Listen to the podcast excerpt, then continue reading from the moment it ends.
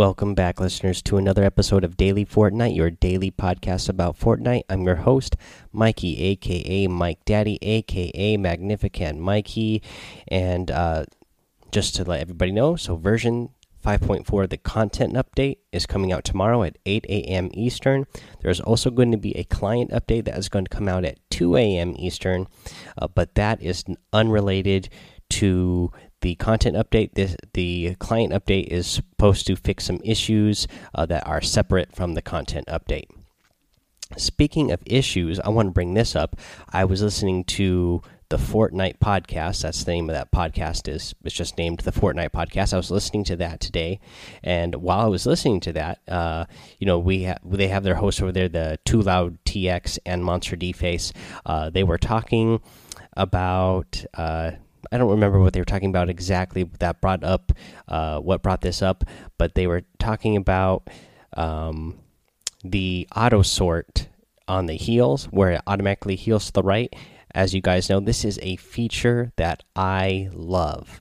Now, I do not remember who they said tweeted this out and uh, how they figured this out, but they they saw a tweet from one of the pro players that I didn't see. But apparently, there is a bug with the auto sort heals to the right automatically. When you have this set right now, uh, what happens is that it will turn off your aim assist. Now, this is obviously only uh, affecting console players for that for the aim assist but that is a big deal for console players because if you're not playing with aim assist on uh, then you're probably not you know you're probably not getting a lot of kills uh, you know the the reason why you want to have aim assist on console is because you cannot be as accurate with a with an analog stick as you can with a mouse. So that aim assist kind of helps you snap a little bit closer to what you're trying to aim at. Um so yeah i i'm going to be turning off this uh you know this feature the auto sort heals all the way to the right uh, so that i can get uh, my aim back uh, and hopefully start getting some more kills again. That's what that's going to be my excuse for what has happened the last couple of days. You know i've had some really bad aim. I haven't been able to uh, i haven't just been able to track my enemies i feels like. I had an enemy that uh, i was close to yesterday that i wasn't I didn't even shoot at. Uh, I had a burst uh, AR, and I was trying to track them, and I was I, I, could just not keep on them, and I I didn't even plan on shooting. I was try I was just trying to practice my aim. I was like, okay, this guy's running across the screen. He's in range. Let me see if I can just keep my aim on him, and I could absolutely not keep my aim on him. Um, and so I'm going to blame the uh, the the bug on this. Uh, hopefully, that's all it is. I'm going to go turn this off, and then I'll just have to start, you know, sorting my items the way I like to. Uh, have my heals all the way to the right. I'll just have to do that manually for now until they get that fixed. Once they get that fixed, I'll let you guys know. Now that I know about it, but uh, man. Uh, yeah, I'm just gonna I'm just gonna use uh, my lack of eliminations and my bad aim as of late uh, to the fact that I've had this uh, auto sort on. Uh, and again, if you guys have it on and you didn't know about this, uh, go turn it off for now. And then I will definitely be keeping an eye out for this and uh, turning turning it back on once that bug gets fixed. And uh, yeah, again, sh uh, shout out to the Fortnite podcast for catching that. Let's see here. today, you know some actually good news to talk about is so the Asia servers receive sub-region matchmaking. So this should give players the most healthy connection uh, more often. Again, we talked about this uh, a few weeks ago. They put out uh, you know a little update on what they were doing and how they wanted to add uh, sub-region matchmaking. You know, they already have, you know, our region servers. You know, have North American West, North American East, Asia servers, and so on. Well, now they want to have sub-regions so that way you get the most closest server to you, so that you can have better connection more often. Um, so these this went live today over in the Asia servers. Uh, Sub-region matchmaking will come to all servers eventually, uh, but it's just up in Asia right uh, right now. Uh, some so here's some more good news to, for updates. So the getaway LTM has been changed back to squads. Yay! I love that. Uh, I just think this game mode is so much better as a squad uh, team based game rather than a duos. Uh, I love it as squads. So I'll be playing some more of that again, and let's see here. Uh, the other thing I want to talk about uh, it was actually funny. I I was making my notes this morning while I was on a break at work, just what I kind of wanted to talk about today so that I wouldn't forget.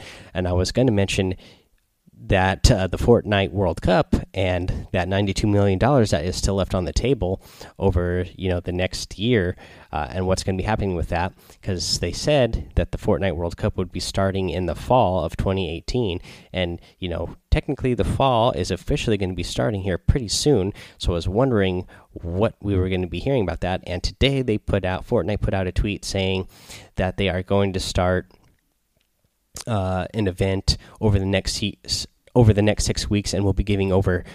They'll be giving away ten million dollars over that six-week period.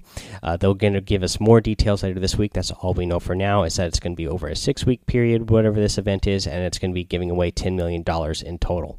So another great, exciting event. I mean, they just gave away eight million dollars total uh, in in in eight weeks. So now they're going it. They're they're they're pushing it up to $10 million over six weeks. So they're really going all out. I'm excited to see what we get going for that. If you guys are going to have to get, uh, you know, if we're going to have to do some more showdown competitions, I again, I urge you guys to go do those. Just try it out.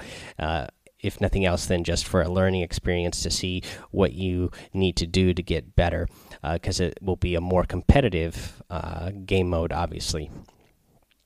Um, I'll just talk about the challenges real quick, what we have left. So, the rest of the challenges are pretty easy to complete if you just play the Getaway LTM itself. Uh, I, you know, usually I suggest go getting a lot of these uh, uh, extra ones done or the easy one done in in 50v50, but you can actually go to the Getaway LTM and still get the uh, elimination one.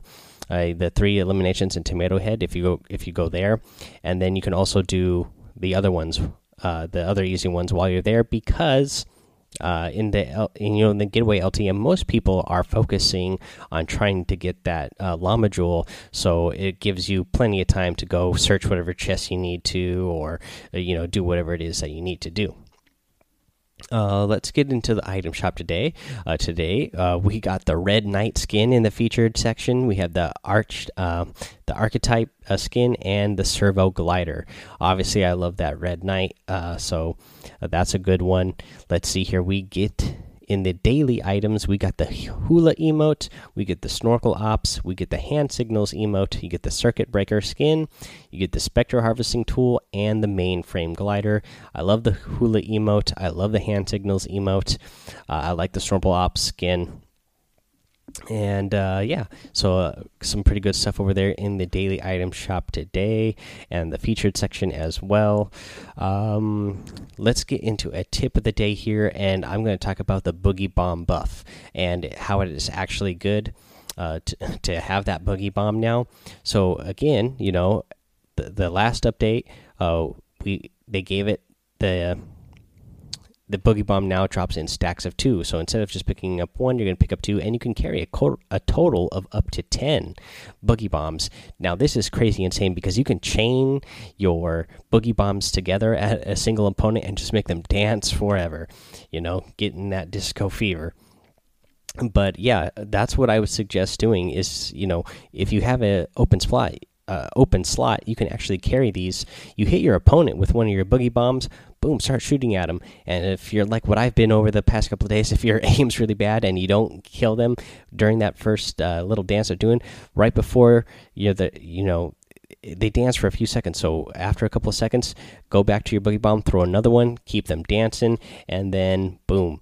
Uh, hit them with some more shots, and hopefully you should take them down with that. Obviously, if you have a SMG, a drum gun, or a shotgun, uh, you know, hit that boogie bomb uh, run up to him real quick, hit that shotgun shot. If you don't kill him right away, boom, throw another one, and then start hitting those gun, uh, uh, those shotgun shots again.